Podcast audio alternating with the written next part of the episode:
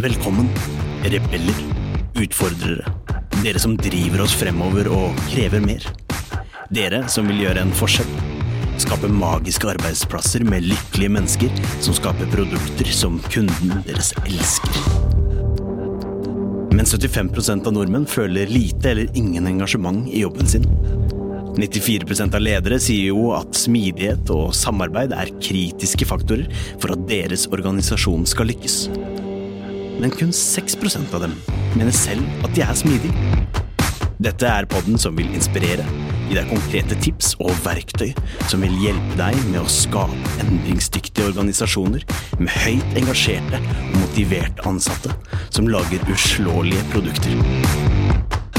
Med Smidigcoachen, kurs- og foredragsholderen Ida Kjær ved sin side har hun kurs- og foredragsholderen, smidigtransformatøren og topplederen Tobias Falkberger. Sammen har de over 20 års erfaring med å jobbe i og lede smidige team og organisasjoner. Nå kjører vi! Hei, og velkommen til en ny episode av Smidigpodden. I denne episoden har vi besøk av Anastasia, som er forsker hos Sintef. Anastasia har en master i arbeids- og organisasjonspsykologi, og temaet for hennes masteroppgave var jo nettopp da smidig coaching. Så i denne episoden så skal vi snakke om smidig coaching fra et forskningsstandpunkt. Et forskningsstandpunkt. og vi skal se litt på de mønstrene som Anastasia har observert når hun har vært ute. Spørsmål vi diskuterer, er trenger man en smidig coach. Fungerer det i det hele tatt? Hva med smidig coach-rollen? Når funker den som best? Hva er en smidig coach, ikke minst? Smidig coach versus scrum master eller en prosjektleder. Og hva gjør en smidig coach? Hva er de typiske verktøyene man har i verktøykassa si? Hva skal man ikke gjøre? Og hvilke barrierer og muliggjørere fins det der? Som du kanskje har lagt merke til, så er denne episoden en dag forsinket. Grunnen til det er at sønnen vår har kommet til verden. Det er vi selvfølgelig veldig lykkelige over, så da tok det litt lid her nå. Så jeg håper det er forståelse for det. Så på mange måter så kan man si at det er smidig-poden som har kommet til verden. Uansett, vi har fått eh, en, da, en ny podkastvert til, så vi er tre. Så kan det komme litt sånne lyder fra han fremover i de neste podkastene. Så jeg håper det er forståelse for det. Men nå sitter jeg faktisk og spiller inn denne introen på helt nytt utstyr. Det er supergøy.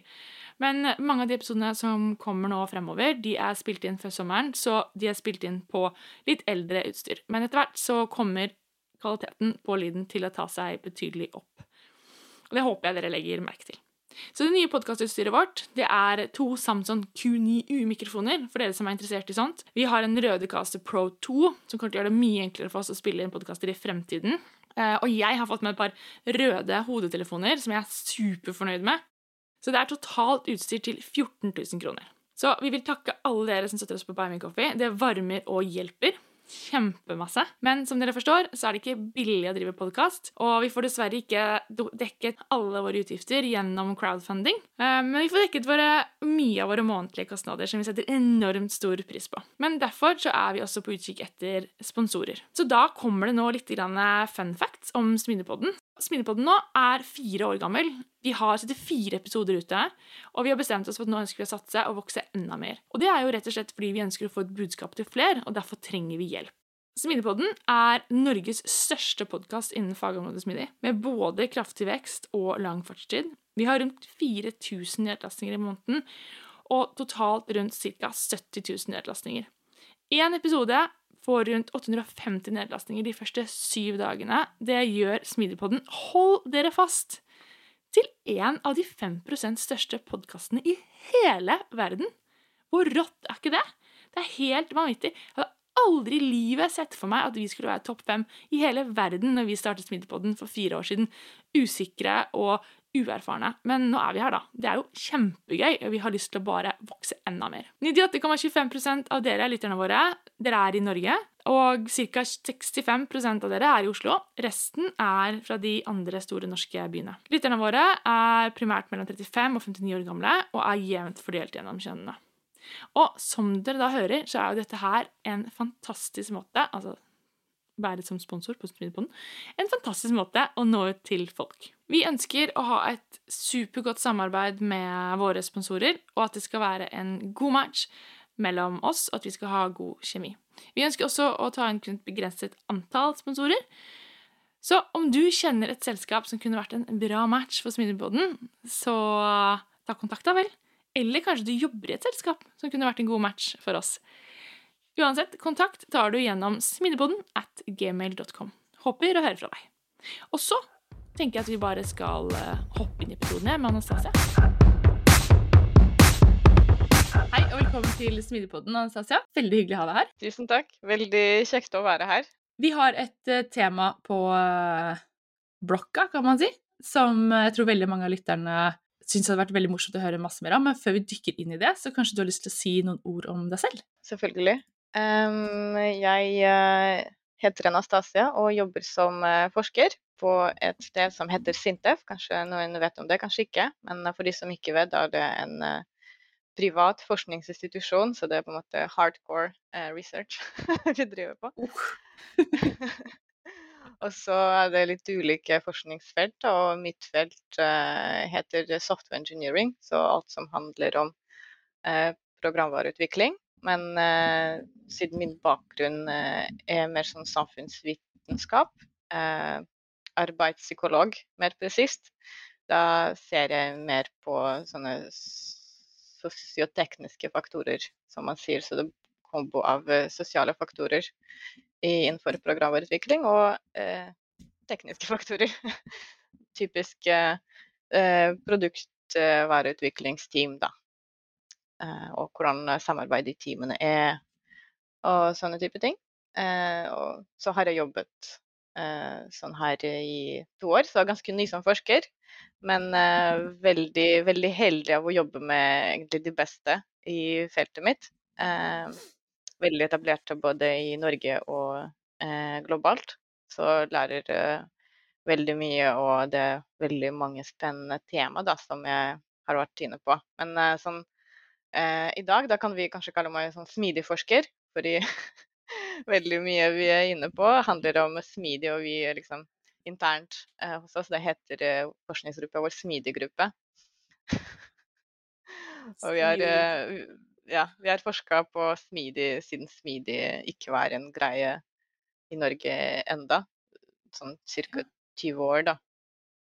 Oi, såpass lenge. ja, det er ganske, det er ganske lenge. Så det, er så det er ikke så lenge at det begynner å være litt utdatert, men så, så, lenge vi, så lenge vi ser at det er interesse for det, da, da fortsetter vi. Eh, og så, ja. Og så ellers er jeg eh, bare vanlig, vanlig person eh, som eh, har nettopp eh, kjøpt en leilighet og var veldig fornøyd med livet og er veldig glad i Grattis! Tusen takk. Eh, Jeg er veldig glad i uteliv, alt som har eh, å gjøre med friluftsliv og uteaktiviteter. Sykling, eh, tur, eh, svømming, eh, gjerne i i innsjø. Eller eh, ja, her eh, Trondheimsfjorden er veldig bra. Eh, Klatring, yoga. Veldig masse ulikt. Så Ja. bra. Mye felles interesse med oss. Høres bra ut. Variert. Så ikke noe open water swimming. Jo. Open water, men ikke dykking. Det er ikke, det er ikke så glad i. Jeg ser noe skummelt på bunnen. Det Nei. Dykking, ja. Det er ganske kult, dykking. Jeg har ikke dykket så mye, jeg har dykket bitte litt. Eh, Det er Ja. ganske gøy. Ikke i Norge, da. Men jeg har hørt at det skal være ganske faktisk. Ja, men det er en annen, det er en annen, eh, det er en annen Yes, podcast. litt sidetracking. Det er ikke vår det gang.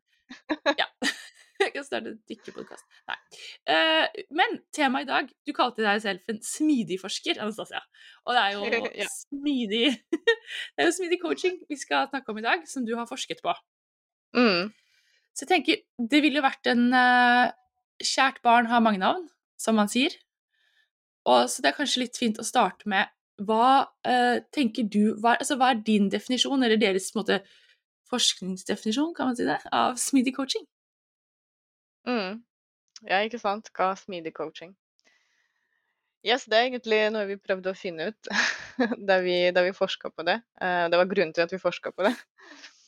Uh, også, Ja, fordi hvem vet hva det er? Også problemet med å ikke vite definisjonen er at det er eh, blitt så mange smidig-coacher i det siste. Eh, og det er faktisk sånn at mange av de coachene er ganske forvirra eh, rundt rollen deres. Jeg vet ikke om, eh, om, det stemmer med din erfaring, Ida, for du, du, du er smidig selv, men i hvert fall noen av coachene vi snakka med, de, de innrømte at eh, de av og til da var de litt usikre på hva de faktisk skulle gjøre. Så eh, da var en av hensiktene med forskningen å prøve å liksom hjelpe på, hjelpe litt å forstå rollen til smidig-coachene. Mm. Eh, og så eh, også selvfølgelig er det fint for, eh, for forskningen å vite. Eh, liksom, eh, det det jeg er litt opptatt av. Liksom, nerdete teoretisk tilnærming. Hva, liksom, hva definisjon så kan man prøve å fange det opp, eller kan man det? det var veldig vanskelig når jeg starta å forske på det, og det var på en måte mine, mitt første forskningsprosjekt, fordi det var masteroppgaven min. Eh, og så var det, eh, var det var det sånn at vi gikk ut og snakka med 19 ulike smidige coacher, eh, både i, i, Norge og USA. Og så kan jeg til og med avsløre at eh, et av firmene vi snakka med, var Disney. Så det var ganske kjekt da, at Disney, Disney ja, har de også smidige coacher, og de er, de er veldig erfarne med det. Eh, er de? Vi, ja, eh, de er greie på det, og så er de veldig, veldig godt etablert i det. Fordi de har også masse teknologi, eh, og så har de mm. veldig, veldig særegen kontekst som ikke, ikke kanskje kan sammenlignes med mange andre kontekster, fordi det underholdning. Da, så alle de, alle de tingene de har på Disneyland, f.eks., det er også en mm. teknologi som bl.a. software da, som ligger bak det. Så da må de også ha coacher for å, for å hjelpe på å utvikle den softwaren. Men uh, uansett så var det da 19 ganske erfarne smidig-coacher, og i de firmaene de jobba i, da var det uh, Disse firmaene hadde veldig lange, eller uh, lang nok erfaring med smidig. De hadde fra tre og oppover år erfaring med smidig, så da antar vi at de Eh, folka vi snakka med, har litt peiling på det, det må vi håpe. eh, vet ikke om det stemmer da, men det var i hvert fall antakelsen. ja, så, så prøvde vi da å gå ut og liksom prate med de og spørre hva de gjør, da, for å bl.a. Uh, eh, oppdage hva, hva smidig coach er. Og da kanskje vi kan starte med sånn enkelt, da, uh, med tanke på definisjon. Uh, at smidig coaching er, rett og slett en form for coaching. Så da bør man sikkert definere coaching. Og så eh, kommer da den biten om smidig på toppen. Så da må man liksom forstå hvorfor, eh, hvorfor den smidige biten er der. Og så coachingen, det, den er rett og slett uh, uh, en prosess av å hjelpe folk å lære noe i praksis. Så det, det, det er samme, måte, samme læring som på skolen, men da har du liksom en lærer på skolen eller på universitet som eh, er mer sånn teoretisk. Eh, mens coach, da, eh, f.eks. Liksom, eh, i idrett, fotball og sånn, da hjelper coachen deg å lære noe i praksis, noe du skal gjøre, noe du skal utøve. Så kan den eh, coachen kommentere på hvordan du gjør det, og gi deg en forslag som hjelper deg å bli bedre på det du gjør, da, rett og slett. Mm. Så det her, denne coaching-biten er ganske lett. Eh, så kommer da den uh, smidig-biten. og her tror jeg, det, det, er bare, det, er bare tanken min, at det er ganske mange misforståelser rundt smidig-biten av smidig coaching. Og derfor finnes det litt flere liksom, Det spriker litt i ulike retninger på hva folk mener om mm. smidig, og hvordan de forstår smidig og sånn. Eh, og det er ulike former for smidig i ulike firmaer, sant. Fordi det, det, er som man sier, det fins eh, Hvert firma har sin egen måte å være smidig på. Eh, men eh, jeg, eh, jeg, var, jeg var på en veldig spennende konferanse nå i juni i København som heter XP. Det er en konferanse for smidige praktikere og eh, teoretikere. Vet ikke om dere har hørt om det, men eh, der eh, var det han Alistair Coburn som var en av eh, keynotes, og det er han som eh, står En av de som står bak uh, Smidig-manifestet. Og så likte jeg veldig godt det han sa om smidig generelt. Eh, og essensen i smidig er, er å levere verdi, da. Det er veldig lett. Det er veldig lett eh, Mm, eh, å si, men veldig vanskelig å anvende.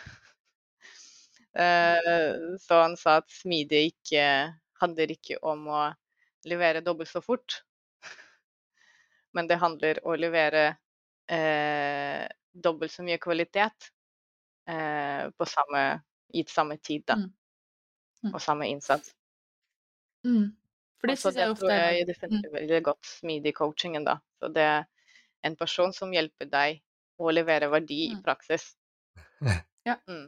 Så veldig Jeg tror allerede der. Ja, jeg tror allerede der så tror jeg det er inne på en av de største misforståelsene rundt smidig. Det at man tror at det handler om å levere dobbelt så fort. Mm. Um, så klart, Ja. når du har misforstått noe så fundamentalt, Ja, vi så snakker, vi snakker litt med, med Geir Eimsjø om det òg, men det sånn, Scrum har vel eh, sin skyld i det, med, med å ha vært veldig output-fokus, egentlig. Og så har vel kanskje realiteten rundt altså kundeverdi og den biten der har liksom på noen, någonstans blitt litt glemt på veien, dessverre. Um, og at det kom, kanskje også hvor det kommer ifra, at du satt såpass langt unna, så det kanskje var det du klarte å påvirke, kanskje, mens en mer moden organisasjon i dag, så er det kanskje lettere faktisk å eh, ha tilgang til kunder og sluttbrukere, og sånn sett faktisk levere mer verdi og effekt enn det kanskje historisk sett har vært. Så det er kanskje noe av, av forklaringen. Mm. Mm. Ja, jeg er veldig, veldig enig i det. Eh, og så tenker jeg at denne her eh, fordommen, den første fordommen om eh, smidig coaching, at smidig coach skal hjelpe din bedrift å levere raskere, det er et ganske fundamental, eh, fundamentalt problem, da, fordi eh, noen ledere de kan bare ta denne beslutningen ok, nå skal vi ansette en smidig coach, og så skal vi levere dobbelt så raskt. Og så forventer de det, da. De forventer at Mm. eh, teamet skal levere raskere. Og hvis ikke det skjer, da blir det, blir det problem, sant. Eh, Mm. Og så eh, de tingene som på en måte kommer ut av smidig-coachingen, det er ikke eh, det er ikke å levere dobbelt så raskt, det er å levere bedre kvalitet. Og det trenger kanskje, eller tenker kanskje ikke de lederne på, da, at det er det de vil. Mm. Fordi de, de, tenker, de tenker litt annerledes. Det er veldig viktig det, måten de tenker på. De tenker litt sånn budsjett og prosjektkostnader og besparelser og sånn. Og det kan også være en eh, konsekvens av uh, innføringen av smidige metoder og smidig coachingen. Men uh, ikke, hvis ikke det kommer, og da kommer det bare sånn bedre kvalitet, da er det, er det uansett en suksess, da. Men da Mm. må man liksom være forberedt til at uh, man skal dit. Ikke sant? Mm. Ja, for det er jo um, en veldig urettferdig forventning til både den jeg håper stakkars smidige coachen som blir ansatt i det selskapet, men også til eh, teamet, da. At det skal være en såpass easy fix også, å få opp fart, da. Mm. Du sa jo, Ja, du sa jo, innledningsvis at dere pratet med både bedrifter i USA og i Norge. Var det en forskjell mellom USA og Norge, eller var det mm, ikke det? Både på en måte forventning og egen syn på seg selv og Jo. Jo, det var litt forskjell, eh, men eh, eh, vet ikke om det er på en måte så Som vi sier på forskningsspråket, generaliserbart. At det er på en måte kanskje bare noe inntrykk vi fikk, da, fordi vi snakka bare med 19 stykker. Og så eh, må jeg bare minne på at dette temaet, smidig coaching, er, det er ganske nytt i forskningen. Eh, så vi vet egentlig veldig lite om det på ordentlig.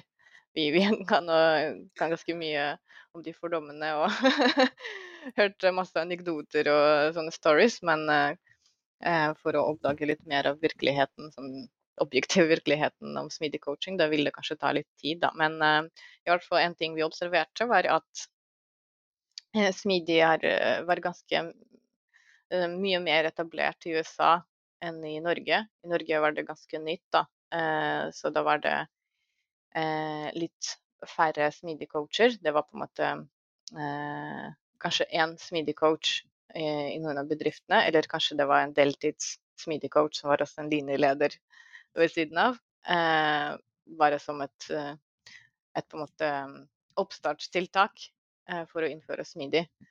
Mens eh, de bedriftene i USA de har vært eh, mye lengre på veien mot uh, smidig transformasjon, da. Og de har uh, hatt smidig litt lengre periode. Og så de, hadde de som regel en ganske stor uh, gruppe smidig coacher som, som opererte på flere nivåer.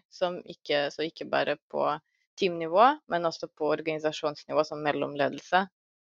Og av og til også med forretningen, da, så de på en måte coachet litt business-siden, som de kalte det. Eh, mens i Norge var det mest på teamnivå. Eh, litt på organisasjonsnivå hvis det er veldig store bedrifter da. Og så kanskje skilles det også at eh, i Norge er bedriftene litt mindre, sånn uh, gjennomsnittlig, enn i USA. Man kan kanskje være enig i at Disney er litt større enn uh, DNB, selv om DNB er også ganske fort. Mulig. Uh, ja. Så det, den uh, så vi. Uh, og så er det mye mer fokus på uh, arbeidsmiljø i Norge. Så selv om coachene i begge landene var ganske bevisst på at det å gjøre at folk trives på jobb, at teammedlemmene trives og at arbeidsplassen blir bedre, er en, en av hensiktene med smidig coaching.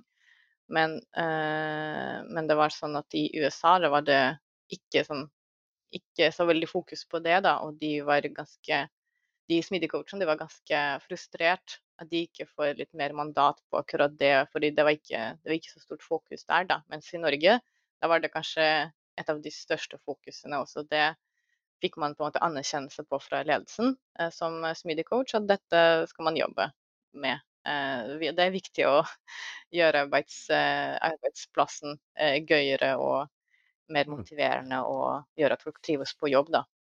Interessant. Så det var kanskje de to tingene jeg ville trekke. Det, det. Ja, det var akkurat det jeg hadde lyst til å spørre om, eh, som jeg lurte på. Egentlig. Akkurat de tingene du sa der. Men, men var det litt mer Mitt inntrykk også, når, måte, når man man leser om uh, speedy coaching i uh, USA, er at det er litt mer fokusert på rammeverk og prosess. Uh, jeg tror at det er ganske likt, akkurat okay, den biten. Ja. Ja, ja. Det, og det er også en ganske typisk sånn fallgruve, egentlig. Å mm. være fokusert på rammeverk og prosess framfor å være fokusert på den verdien som vi snakka om i starten. da.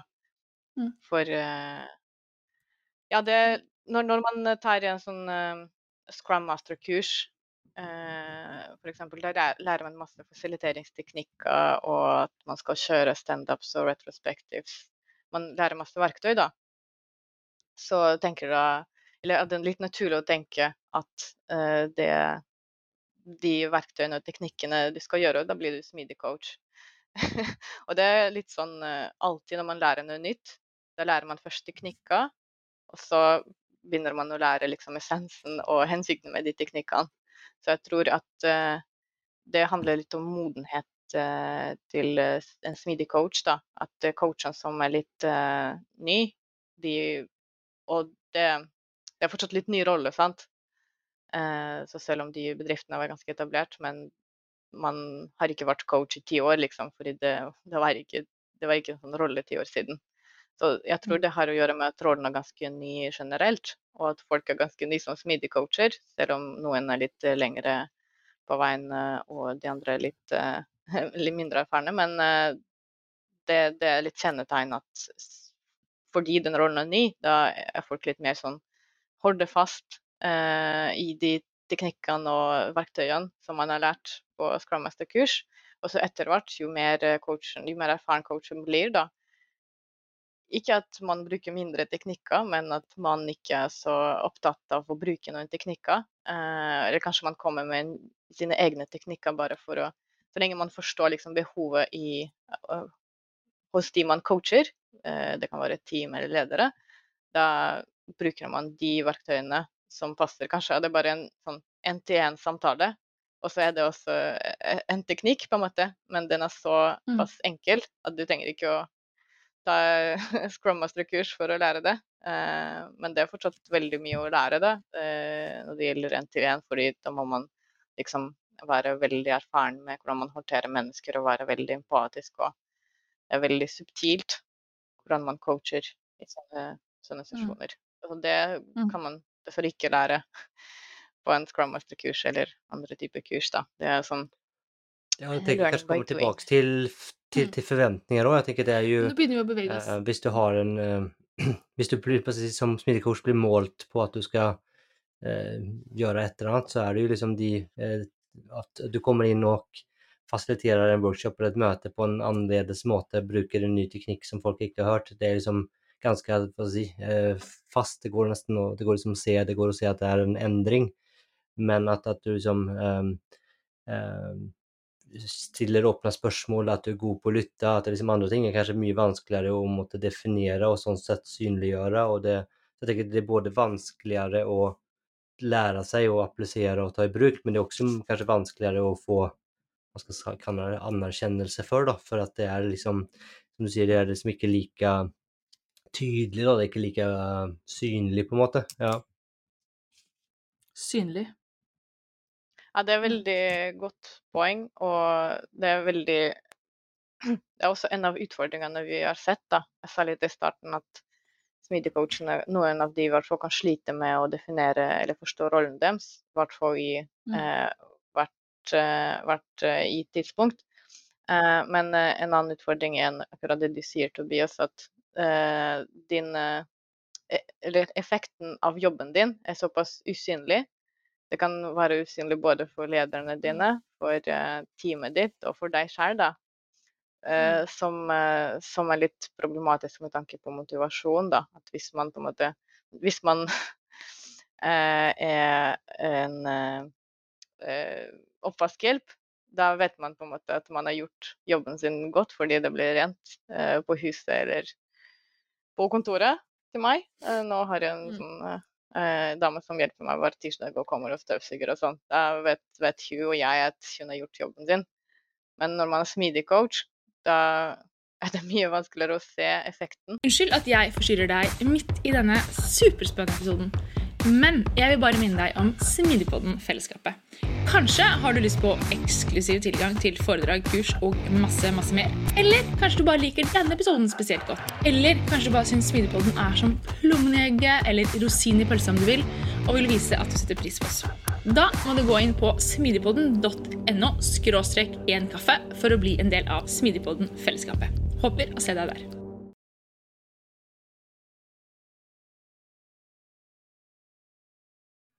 Og det er veldig subtilt. Altså, noen coacher de bruker selvfølgelig eh, sånne metrikker, helsemetrikker, Mm. for å se eh, på effekten av coachingen i teamet. Men eh, metrikker er også et eget tema, da. Om, om de viser noe, eller hva viser de, og hvilke metrikker. Ikke sant? Mm. Eh, og om, om coachen skal måles i det hele tatt for å vise resultatet til, til eh, de som ansetter den coachen, eller kanskje er opp til teamet, eh, og Mm. liksom evaluere om coachen har gjort jobben eh, sin osv. Det er på en måte et, en ting vi selv er litt nysgjerrig på. Vi har ikke svaret. Mm. Det er en veldig interessant problemstilling, da, for sånn som, sånn som uh, vi har vært inne på nå, at uh, hvis man skal evaluere en coach, men mye av det smidig-coachen gjør, er uh, egentlig på en måte ting som er veldig vanskelig å fange opp, da. Mm. Eh, da vil jo heller ikke målingen bli riktig. Nei.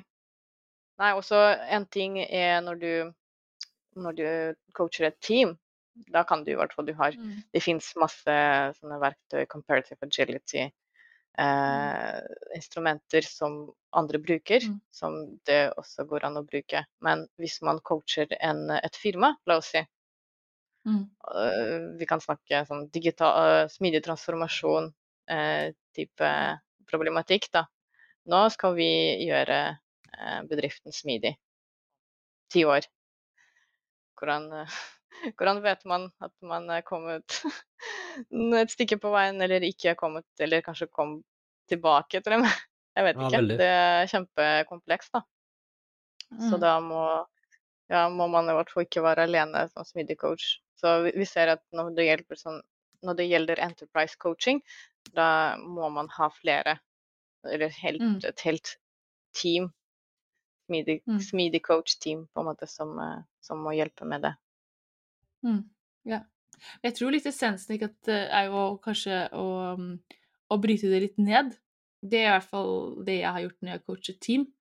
Mm, At liksom, ok, men ok, nå skal vi jobbe med kontinuerlig forbedring. ok, Hva betyr det i praksis? Hvilke parametere er det vi kan se på som vi har nudget på?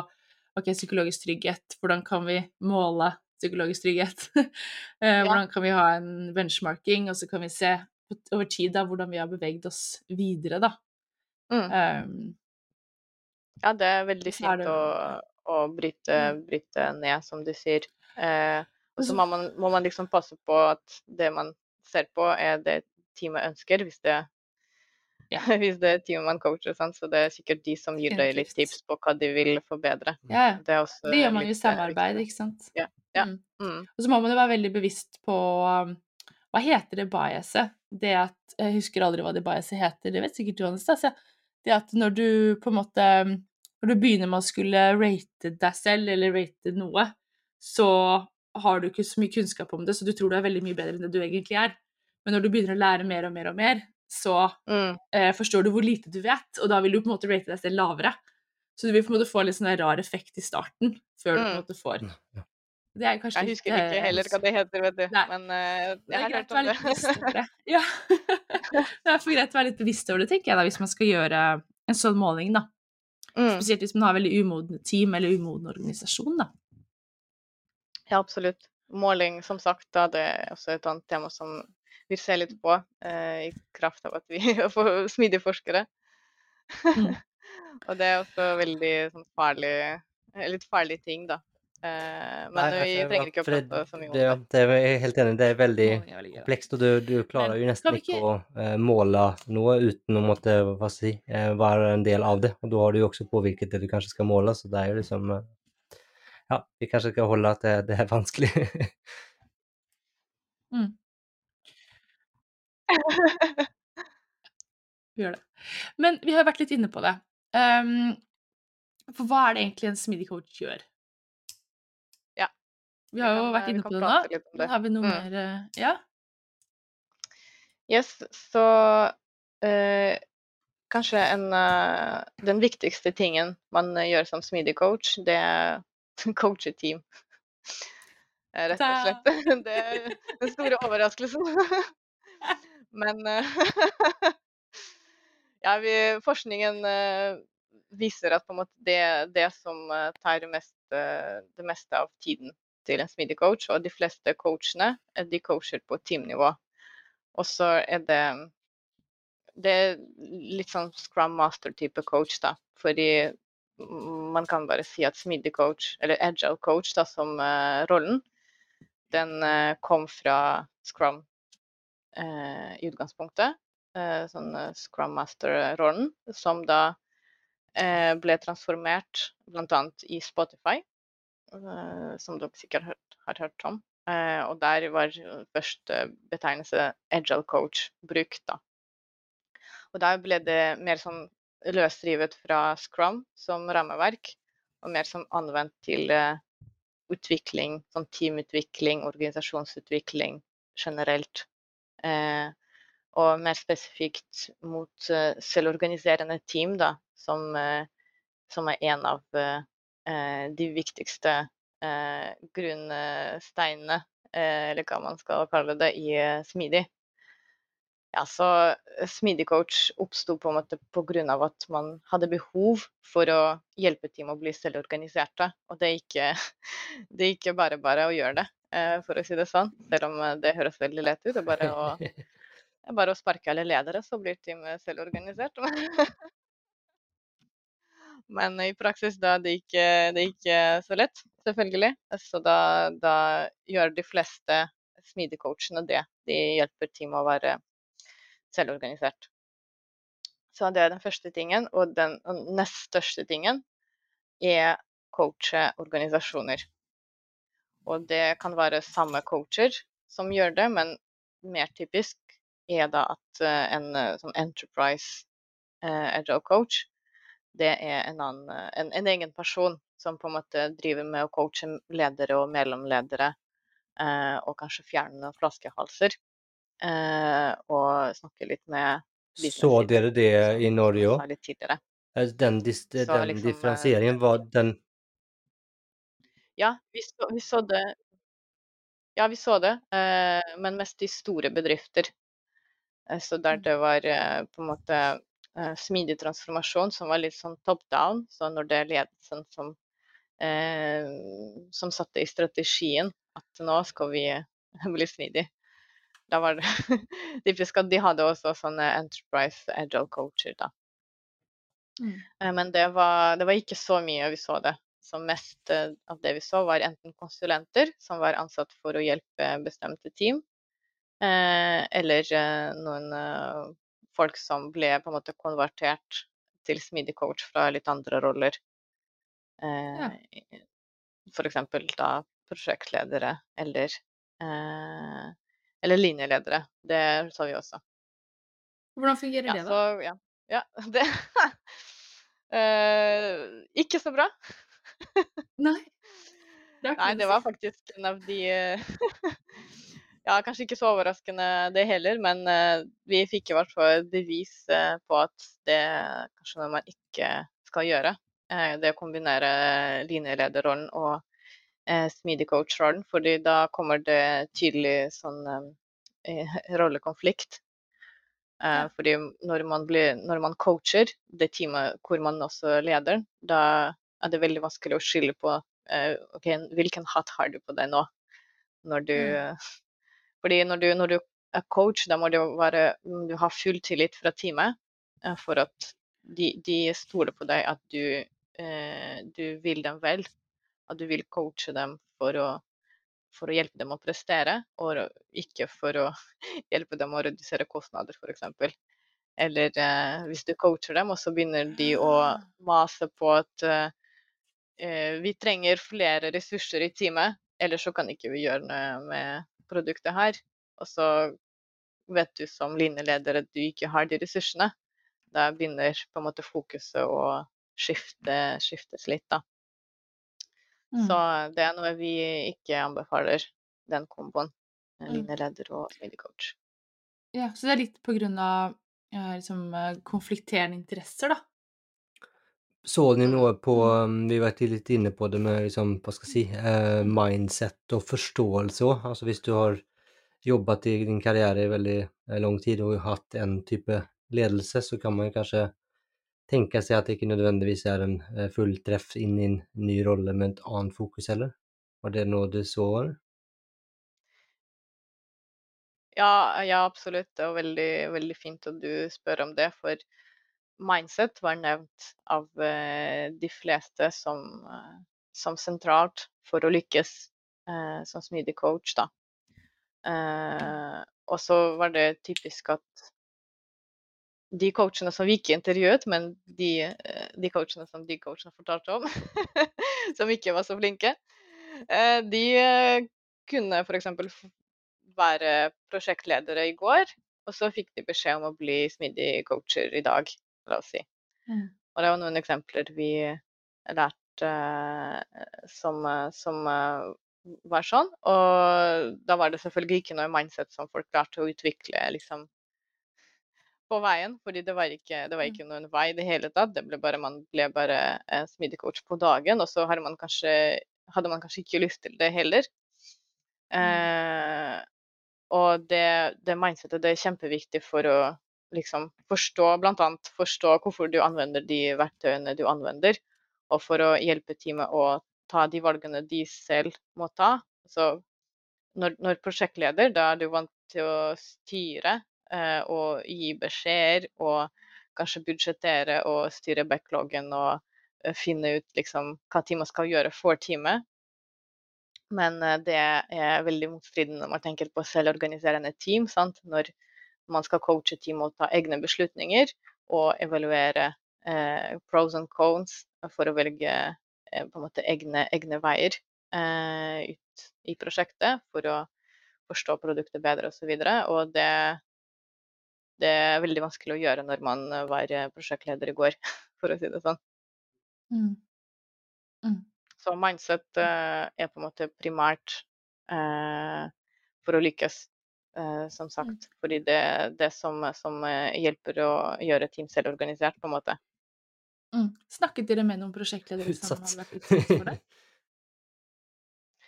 Eh, ja, men Vi det ikke det høres jo med- dramatisk ut. ja, det hørtes, det hørtes helt ekstremt ut da vi, da vi hørte det. Men, men det var sånn i noen sånne store firmaer uh, som vi snakka med i USA, og som uh, gikk sånn spesifikt for uh, agile transformation. Mm. Og da, da gjør man det på en litt sånn Kanskje lite subtil måte, da. Uh, OK, vi bare, vi bare endrer lapper. Nå heter vi Mm. ikke prosjektledere, vi heter agile coacher. Uh, vi, vi heter ikke prosjekt, nå heter vi team, osv. Uh, men når Mm. man bytter lappen, mens essensen er den samme, da er det veldig vanskelig å levere iterativt. Er det veldig vanskelig å ikke ha sånn årlig budsjett. Det er veldig vanskelig å ha tett kontakt med brukerne osv. Så, videre. Mm. så det, det er ikke noen sånn agile tran transformation, egentlig. Så det, det de kalte det, en sånn type oppsett, det var fake agile. Det er også noe som Mm. eh, snakkes veldig mye om. Når det, Ja. på en måte, når det heter eh, på en ny måte, på en agile måte, men uh, essensen er Mm. fortsatt den samme, da. Ja. Det er dessverre noe som skjer. skulle Ja, Mm. Men jeg har hørt, vi, har, vi har jo hørt om det her før, Tobias, og det må jo være utrolig krevende å skulle um, Altså som person å skulle uh, prestere eller gjøre jobben sin da, under sånn her type forhold. da. Ja, det, Det, er veldig riktig. ekstremt mye usikkerhet i organisasjonen og teamene og hos individet. Var det andre ting dere så som måtte Mm. hindret dem til å, hva skal jeg kalle det, få det yte, da? Eller få det til å fungere? Var det liksom andre ting dere så som, ja, rett og slett var i veien eller hindret det, eller var en barriere for å lykkes? Ja, det er kanskje litt eh, relatert, fordi det er en sånn organisasjonsfaktor. Eh, men eh, typisk når eh, man kommer ny som eh, smidig coach, og så vet man eh, igjen ikke hva man nøyaktig skal gjøre. eh, fordi det er så på en måte utydelig rolle, så må man liksom finne ut eh, eh, på veien. Men samtidig da får man ikke noe, noe mandat i den, eh, det firmaet man jobber i. Eh, la oss si at man kommer inn og får beskjed å gjøre teamet dobbelt så effektivt. Og så prøver man på det på en måte litt i starten, og så finner man ut at kanskje for å gjøre teamet effektivt, da må man få dette teamet til å snakke med det andre teamet. Men dette teamet er ikke, ikke min myndighet lenger. Jeg har ikke på måte påvirkningskraft for å snakke med dette teamet. Eller så kan det være igjen eh, snakk om ressurser, budsjetter, noen ting som teamet ikke kan løse selv. da. Og så viste det seg når coachen ser disse tingene, og ikke har noen som helst påvirkningskraft for å endre det, da klarer man ikke å prestere eh, selv på teamnivå, da. Fordi teamet, team befinner seg ikke i et vakuum. Eh, og for å coache teamet, da må man veldig ofte coache organisasjonen litt også. Så når eh, coachen ikke får da, den her eh, myndigheten fra de som ansetter ham, eh, når de som er på en måte ansvarlig for coachen, ikke har forståelse for at ok, hvis, hvis det er noen ting som blir påpekt, eh, og så har de ikke lyst eller mulighet til å gjøre noe med dem, da kommer ikke coachen noen vei. da. De kommer ikke, kommer ikke til å coache. Eh, og dette var eh, veldig, eh, veldig Det var trekket av mange coacher, både i Norge og USA, at hvis, hvis det ikke er på plass, hvis man blir ansatt og ikke vet liksom engang hvem som, hvem som ansetter de, eh, hva de folka vil oppnå, og hvilke, liksom, hvilke handlingsmuligheter coachen har, og så prøver man litt å gå litt ut og snakke med folk, men det, det fører ikke til noe sted. Da, da fører det til frustrasjoner hos coachen, og fører ikke til noen uh, utvikling i teamene heller. Så det er på en måte det verste. Mm. Mm. Men eh, Ja, hva skulle du si, Tobias? Ja. Jeg skulle bare si eh, Fungerer smidig coaching? Yes. eh, det er alle sammen som lurer på det, ikke sant? Spesielt de lederne som, eh, som ansetter, men selvfølgelig også selve co coacher, kanskje. Fordi kanskje når de fikk den her eh, følelsen at eh, nei, jeg vet ikke om det jeg gjør gir mening, kanskje jeg bør, bør bytte rollen min, eller noe sånt.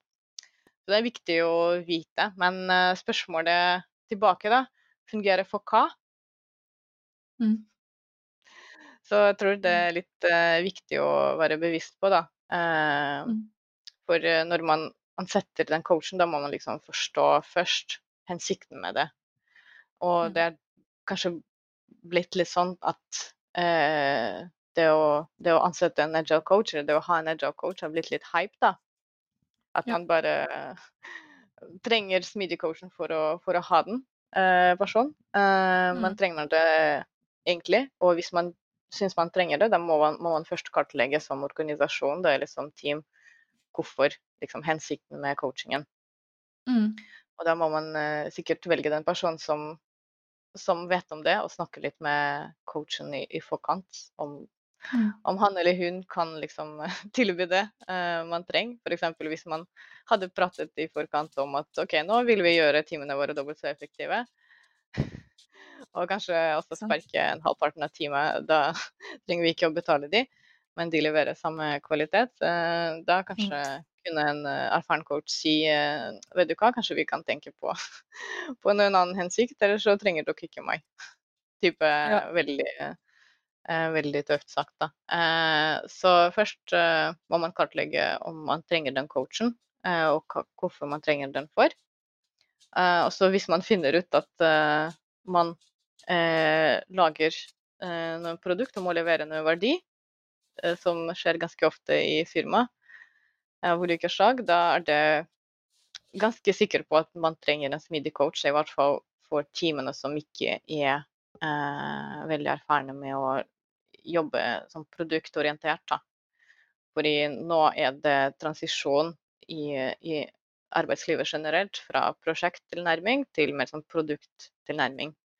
Og det er også noe som smidig coach kan hjelpe på, fordi det, akkurat, det handler akkurat om å levere verdien. Da. Det er det produkttilnærmingen handler om, og ikke levere på budsjettet og eh, til fristen. Som prosjekt handler om. Eh, så hvis man, hvis man finner ut at man trenger noe støtte for produktutvikling, da kan smidig coach eh, Vi tipper da at det kan være en god, en god løsning. Spesielt hvis man Mm. gir coachen de, de tingene skal, som skal være på plass. F.eks. da denne myndigheten snakker litt i forkant med coachen hva dere vil oppnå, og sikre at eh, man hører litt på de, på de rådene og tipsene som coachen kommer med etter at man har observert. Da. Og så det å løse, løse litt flaskehalser, det er på en måte det smidige coacher er utrolig gode på. Så det er på en måte intoleransen for eh, flaskehalser og ulike barrierer for teamet. Det er på en måte ganske genuint kjennetegn hos alle vi snakker på eh, med. Eh, så de, det er det de sa. Vi, vi ønsker at vårt team skal prestere, vi ønsker dem å lykkes. Så de på en måte de, de utvikler sånne forhold til teamene. Du kan Jeg vet ikke om du er enig i det, Ida, men eh, jeg fikk i hvert fall inntrykk da jeg snakka med folk at de utvikler sånn veldig spesielt relasjon til teamene de coacher. da. Eh, så det er ingen som kan stoppe dem, nesten. Nei, jeg er veldig enig i det. Jeg syns det ja, det er veldig god, um, godt observert. Jeg føler Mm. også veldig på det. Man får et veldig spesielt forhold til teamet. Ja, så det, ja, vi fikk inntrykk at uh, no, i noen team, i noen som helst team, ikke nødvendigvis i smidig kontekst, i alle typer kontekst, da kan en sånn type coach uh, hjelpe med alle mulige flaskehalser. eh, og fortsatt bruke de her teknikkene fra smidig hvis de trenger det. Og da blir det nå fortsatt smidig coach per definisjon, kanskje. Veldig bra. Jeg ser at tiden løper litt ifra oss i dag. Så jeg tror vi må begynne å runde av. Ja, den gjør det. Den gjør det. Kan jeg bare stille Bare runde av med ett spørsmål? Eller et par spørsmål. Yes. Uh, og det er litt den uh, når uh, smidig coach-rollen fungerer som best. Uh, vi har jo hatt mye diskusjoner, Tobias, rundt um, liksom, hvor dedikert skal en smidig coach være? Eh, skal, det på en måte, skal det være en integrert del av teamet? Skal det være en ekstern? Eh, har, du, har dere sett noe på det, Anastasia? Ja, jeg tror vi har vært inn på noen av de punktene Mm. allerede. Så for eksempel at uh, det ikke skal være noen rollekonflikt. Ikke sant? Så hvis man, uh, hvis man er f.eks. produktleder uh, og smidigcoach Mm. samtidig, da er det litt vanskelig. Fordi man klarer ikke å Mm. ha begge hattene samtidig. Eller noen klarer det, men da må man liksom trene uh, spesifikt Mm. for det. Det er ikke alltid lett. Eller så være et Mm. teammedlem. Det er litt av det samme. Eh, Mm. hvis man må også eh, kode Mm. eller designe ved siden av, da det, det er masse context switching. eh, og så klarer man ikke alltid distansiere fra det man, den jobben man Mm. gjør, eh, og Mm. komme liksom litt utenfra og kjøre en Mm. retrospektiv og se liksom teamet i helheten. Ja. Så ja. Mm, Hvordan er det med mm. Vi som smidige coacher er jo ofte veldig opptatt av at teamene skal være faste. Og at, skal, at teammedlemmene skal være faste, og at de skal være 100% dedikert til ett team. da. Nettopp for å redusere da, blant annet.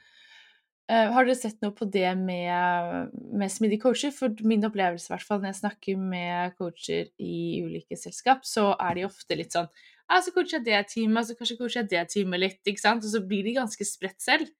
Så man klarer ikke helt å leve som man lærer alltid. Har, så dere noe på det? Vi så egentlig ikke, ikke så mye på det enda, men det er et veldig spennende tema. Men vi, vi, vi har hatt litt indikasjon på at uh, det er litt opp til coachen. Eh, så Mm. noen coacher de eh, vil gjerne starte mer sånn på Scrum Master-type nivå, da, at de er veldig dedikerte mot det ene teamet. Eh, og så kanskje lærer også være litt coacher underveis.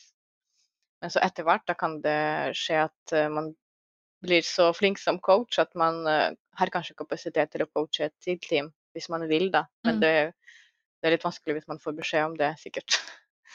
Eh, Men hvis man vil, da kan man det. Eh, Mm. Så det, det så vi at noen gjør, eh, og at det funker. Mm. Eh, og så med tanke på å være teamcoach og organisasjonscoach, da lærte vi egentlig at det er best å dele, dele i to ulike roller. At man ikke klarer å coache både på team- og organisasjonsnivå som én person.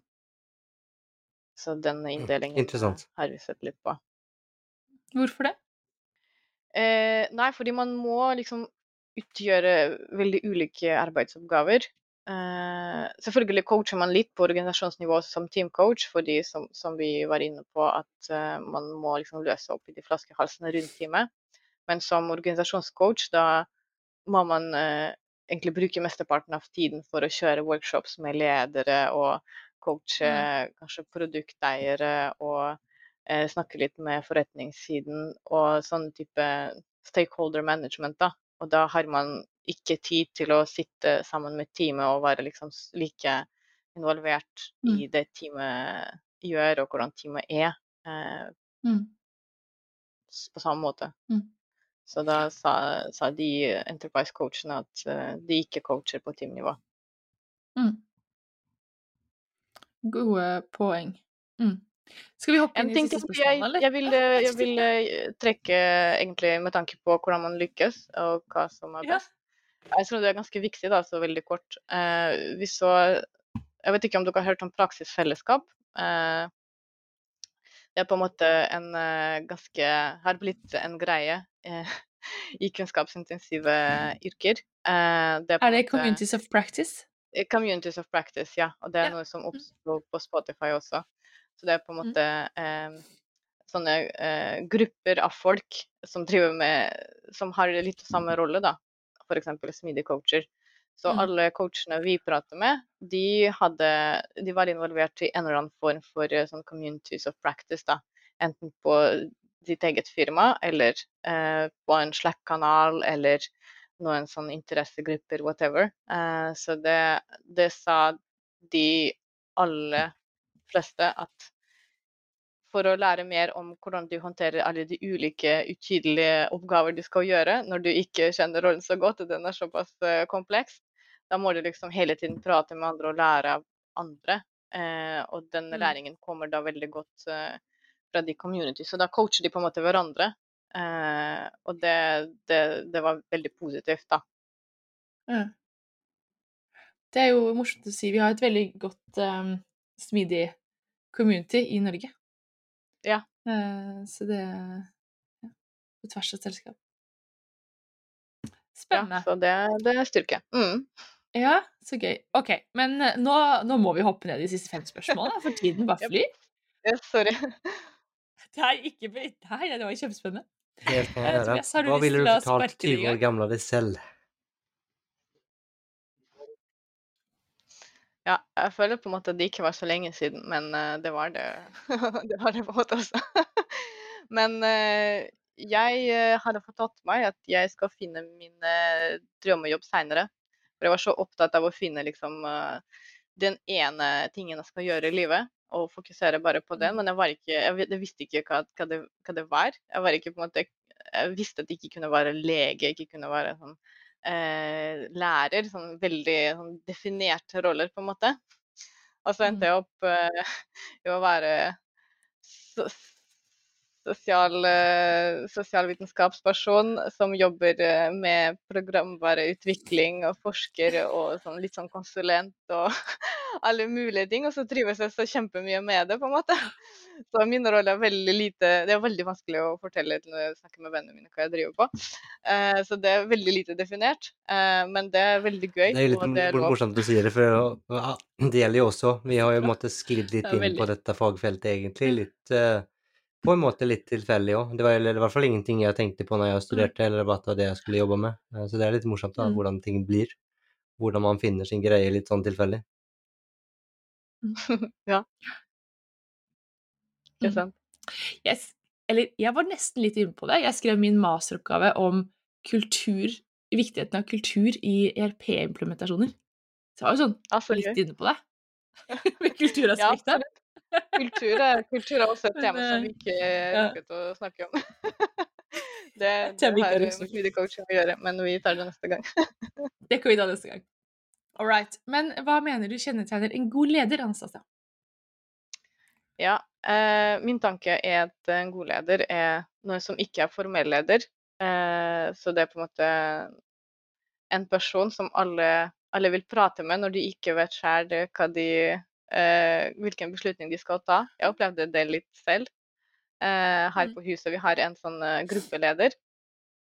Altså en eh, annen som ikke er gruppeleder, eh, men som alle sammen vil prate med når det er noe vanskelig som skjer. Og så har han ikke alltid ikke alltid har han svar heller, men eh, det å bare prate med den personen, og kanskje han får han coacher deg litt grann også, eh, for å komme med for å hjelpe deg å komme med dine, de, de beslutningene du skal komme med. Så jeg tror dette er en god leder. Og så må den personen også i bedriftsverden eh, hjelpe deg å aligne dine mål med bedriftsmål, da, fordi da det er ikke alltid du kan gjøre akkurat det du vil. Det må også, man må også sikre at det skal være til, til gode for organisasjonen. Um, hvis man sitter og hører på Mm. podkasten her nå, så, så er man litt em, Kanskje egentlig todelt. Man, for det første så tenker man at ja, men ja, jeg tror at vår organisasjon skulle ha glede av eh, smidige coacher. Em, hva, hva har du for tips? Man er helt i oppstarten. Hva, hva, hva gjør man? Eh, For det første, da må man eh, definere hvorfor man trenger en smidig coach. Og så snakke med coachen, eller coachene, eh, som man kanskje vurderer å eh, velge eller bestemme sammen med ham hvordan dere skal gjøre det i utgangspunktet. Og ikke forvente at man kan planlegge det. Eh, fordi man lærer veldig mye etter at man har sett coachen. Fordi coachen er på en måte også en liten sånn, smidig forsker i bedriften din som oppdager masse ting du kanskje ikke vet, eller ikke velger å, velger å se så mye på fordi alle er så vant med det. og så må man da lytte litt på, på coachen etter hvert. Ikke nødvendigvis gjøre akkurat det coachen sa, men i hvert fall eh, gjøre noen tiltak sammen, da. Pluss eh, ha communities of practice hvis mulig. Fordi det, det støtter coachen veldig masse. Det var flere tips, det er kjempebra. Du skal få en, en, en variant av det samme spørsmålet, men eh, Bra. vi ser for oss et scenario at vi har en uh, selskap som er litt mer veletablert. De har uh, smidige coacher. Men så har man hørt på podkasten her, og så tenker man at ja, men vi kan sikkert gjøre det litt grann bedre. Mm. Har du noen tips på uh, hva man kunne Du, du kjenner ikke selskapet, så det blir jo veldig generisk, men noen tips på ting de eventuelt kunne ha sett på for å få det enda litt bedre? Det, Det tenker jeg absolutt. Til og med kanskje opptil flere, tenker jeg.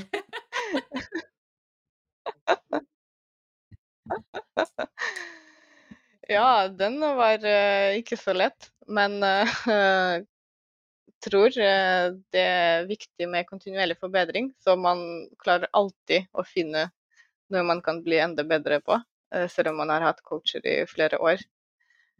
Så bare fortsette med, med forbedringen, da. Og så kanskje finner man ut at det er ikke bare smidig coaching man trenger, men også bl.a. produktledere som vi ikke rukker å snakke om heller, men det er også en del av bildet. Eller eh, bare, bare eh, fortsette å sense litt eh, i bedriften. Jeg likte egentlig eh, en ting som han Elister Coburn sa eh, på, den, eh, på den konferansen, at smidig er jeg, jeg sier det på engelsk.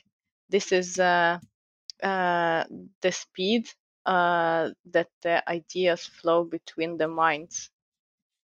Så jo, jo fortere ideene flyter i organisasjonen, jo smidigere man blir, da. Og ideer, det kan være ikke bare innovasjonsideer, men også beslutninger og informasjon, koordinering, som alt som handler om utveksling av eh, tanker og ideer eh, mellom mennesker. Og hastigheten av det, det hjelper deg å bli enda bedre. Og jeg tror det er veldig mye visdom i det. Den var veldig fin. Ja. Har du noen um, lydbøker eller bøker eller podkaster som du ønsker å anbefale? Ja, jeg eh, føler at jeg er ganske sånn dette som forsker, så jeg mer sånn på forskningsartikkelsiden enn på bøkesiden. Eh, så jeg tør å anbefale noen forskningsartikler, men jeg tror det kan være virkelig interessant for de som er litt eh, interessert i team. Ja, som, så en av de Det var egentlig sånn ikke så veldig langt, da, så det er en fordel. Eh, det heter 'Is there a big five eh, in teamwork'? Og det er ganske, det er ganske gammelt, da. Det er fra 1980-tallet.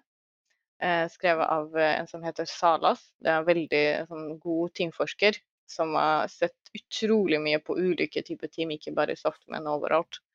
Og han har kommet med noen sånne eh, fem ting som er viktige for eh, teamarbeid. Så jeg syns det er ganske kult, da. Eh, og det treffer fortsatt veldig godt på praksisen. Jeg brukte det masse da jeg skrev masteroppgaven min, og leser fortsatt i det av og til, fordi jeg liksom forsker på team også. Yes, så det var det ene. Og det andre også en forskningsartikkel, også om team. Eh, Men det handler også litt om selorganisering, fordi det, ja, det er litt relatert til det vi snakka om i dag. Eh, han eh, heter Hackman eh, og Wagerman er medforfatteren, og de skrev en artikkel som heter 'A Theory of Team Coaching'. Og der forteller de bl.a. om hvordan man lykkes med selvorganiseringen i teamene. Og de har forska veldig mye på selvorganiserende enheter generelt i alle firmaer igjen. Så det er utrolig, utrolig godt oppsummert kunnskap om det. Og ikke så utrolig vanskelig å lese, i hvert fall hvis du spør meg.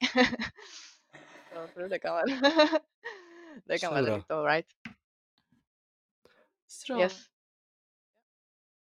Hva med din egen eh, artikkel, Anastasia? Er den mulig å få lese?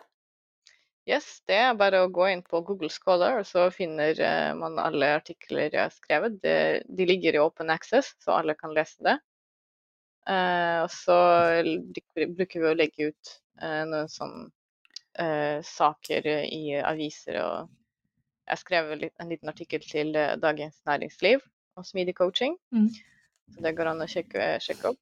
Eh, Eller så ja, det er bare å kikke litt på LinkedIn. Så når vi, når vi gjør noe morsomt og Så da spennende Det tar oss jo egentlig over til siste spørsmålet, om man har lyst til å komme i kontakt med deg eller høre mer av deg. Så sa du LinkedIn, så det skal vi Mm. linke til. Fins det andre måter å Mm. um, komme i kontakt med deg på?